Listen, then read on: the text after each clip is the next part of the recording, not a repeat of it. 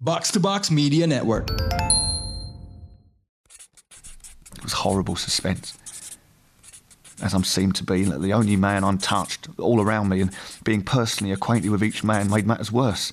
In fact, it's all wrong to call them men, because they were mostly just mere boys. Kata-kata tadi tertulis dalam sepucuk surat dengan keterangan waktu 12 Mei 1915 dari seorang anak kepada ibunya.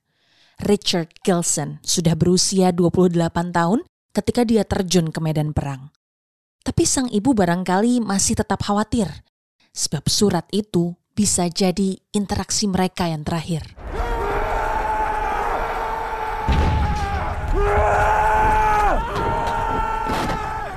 Dari kesaksian Richard, suasana di garda depan tampak kelam. Dia berlindung di parit wilayah Prancis ketika serangan machine gun pasukan Jerman sedang hebat-hebatnya. Dia selamat tak tersentuh, tapi ada kenyataan lain yang pahit dan menyakitkan.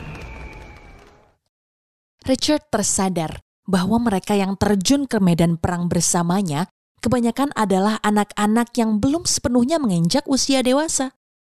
They were mostly mere boys. Perang tak cuma merenggut nyawa, tapi juga kesempatan anak muda untuk berkembang tanpa perlu saling serang, apalagi membinasakan. Menurut laporan BBC, ada 25 ribu bocah di bawah usia 18 tahun yang direkrut oleh tentara Inggris Raya selama Perang Dunia Pertama. Perang yang menewaskan 18 juta jiwa. Perang yang bagi banyak sejarawan bermula karena berbagai faktor. Dari meruncingnya persaingan industri militer hingga munculnya aliansi atau perkubuan antara Imperium satu melawan imperium lainnya di benua Eropa. The situation in the present crisis has originated in a dispute between Austria and Serbia. France are involved in it because of their obligation to honor under a definite alliance with Russia. Pada awalnya, Perang Dunia Pertama adalah urusan perebutan kuasa dan pengaruh antar orang dewasa yang duduk di istana. Tapi pada akhirnya, perang itu melibatkan orang banyak, termasuk anak-anak.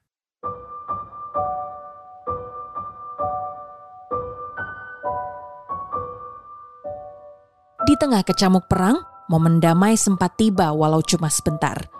Waktu itu tidak ada ledakan bom dan bunyi peluru. Yang ada hanya sayup-sayup nyanyian dari dua regu yang berseteru. Episode kali ini akan membahas momen Christmas truce, damai Natal semasa perang. Selamat datang di podcast sejarah bersama gue Mutia Wiro Sastro.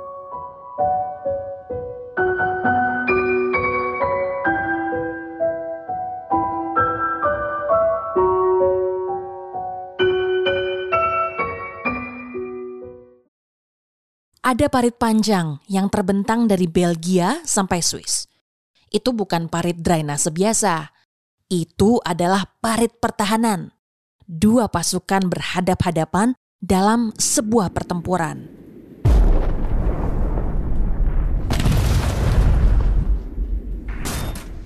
Di antara dua parit, kedua belah pasukan biasa baku tembak dengan senjata api, melempar bom, atau bahkan menggunakan senjata kimiawi. Tapi pada malam Natal 1914, situasi berubah. Untuk sementara, kedua pasukan menghentikan peperangan.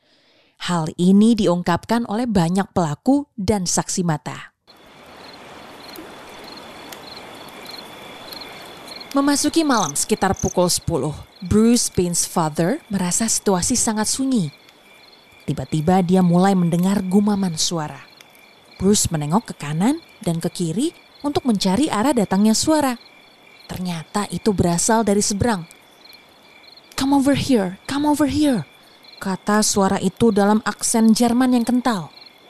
Pasukan Inggris pun balik menjawab, You come halfway, I come halfway. Kesaksian serupa juga diungkapkan oleh prajurit Inggris di titik lain – Marmaduke Walkington bercerita kalau pasukan Inggris dan Jerman bernyanyi lagu Natal, bertukar lelucon, dan mengucap janji, Tomorrow, you know shoot, we know shoot. Dan itu mereka tepati. Di pihak seberang, prajurit Jerman Walter Stennis bersaksi bahwa pada siang hari sudah tidak ada lagi peluru atau bom yang terlontar. Tidak ada suara tembakan. Di antara dua parit pertahanan ada tanah kosong sekitar 270 meter yang disebut sebagai no man's land.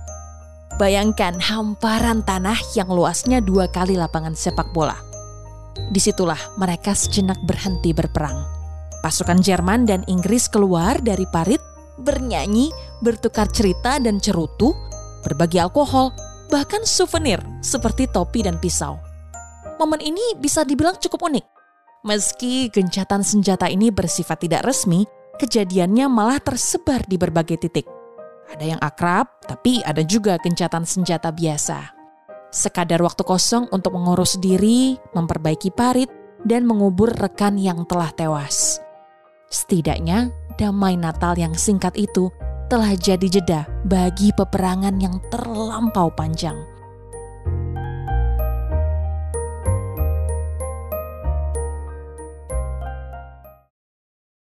Sudah lebih dari enam bulan lamanya mereka berperang di sana. Padahal banyak di antara para prajurit yang mengira perang akan selesai hanya dalam waktu empat bulan. Mereka keliru. Perang terus berlanjut. Anjuran Paus Benediktus ke-15 untuk menghentikan perang selama Natal tidak disetujui oleh para pemimpin Eropa. Pada malam Natal itu, secara dramatis terlihat. Meski tanpa fatwa petinggi agama atau instruksi komandan lapangan, tidak ada yang bisa menghalangi keinginan sesungguhnya para prajurit, yaitu untuk berbagi kehangatan dalam momen Natal.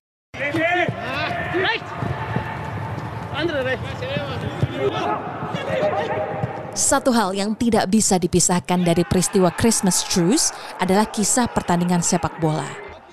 Di no man's land yang cukup luas, dikabarkan secara tiba-tiba sebuah bola muncul. Entah siapa yang membawanya. Mulailah para prajurit menendang dan memantulkan bola ke tanah. Bahasa yang berbeda antara Jerman dan Inggris memberikan hambatan komunikasi. Sementara tanda dan isyarat yang coba diutarakan sifatnya terbatas. Tapi lewat sebuah bola yang ditendang, semuanya jelas. Sepak bola adalah penyambung lidah perdamaian antara dua pasukan. Namun ada banyak versi dan perdebatan terkait kisah ini. Sebuah surat di harian The Times mengutip cerita adanya pertandingan prajurit Jerman melawan prajurit Inggris.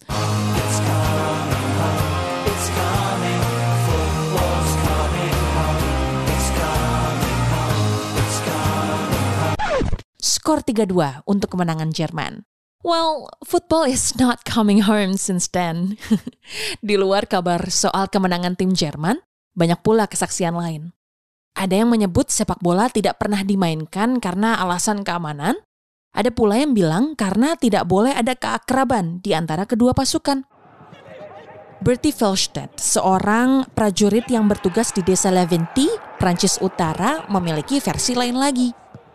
Menurut kesaksiannya, sepak bola tidak dimainkan dalam bentuk permainan 11 lawan 11, melainkan permainan bebas dari sekumpulan orang yang saling menendang bola ke sana kemari, tanpa penjaga gawang, tanpa ada skor.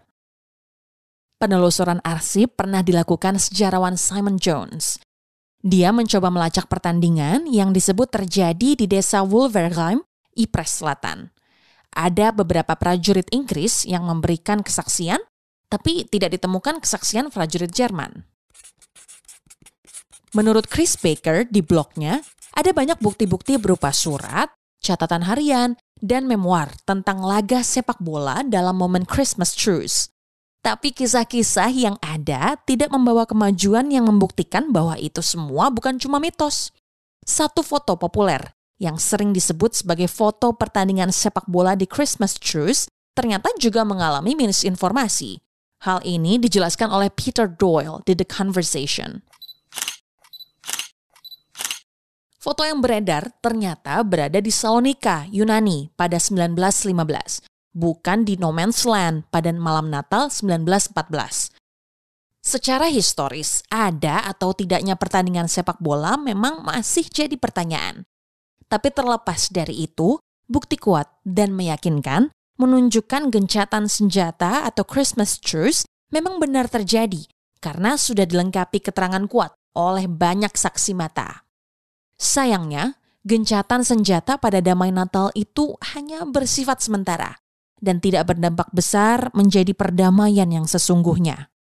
Momen itu hanya sebuah jeda sebentar dari perang yang terus berkepanjangan dan menelan banyak korban.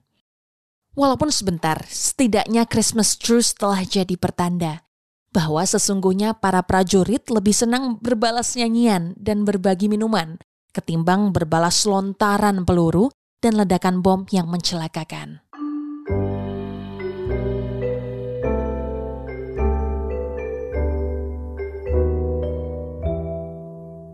Begitulah cerita dari Christmas Truce semasa Perang Dunia Pertama. Sebuah momen singkat tapi hangat di tengah situasi perang yang panjang. Gue Mutia Wiro Sastro pamit. Jangan lupa buat follow dan kasih rate ke podcast sejarah di Spotify. Sampai jumpa di episode berikutnya.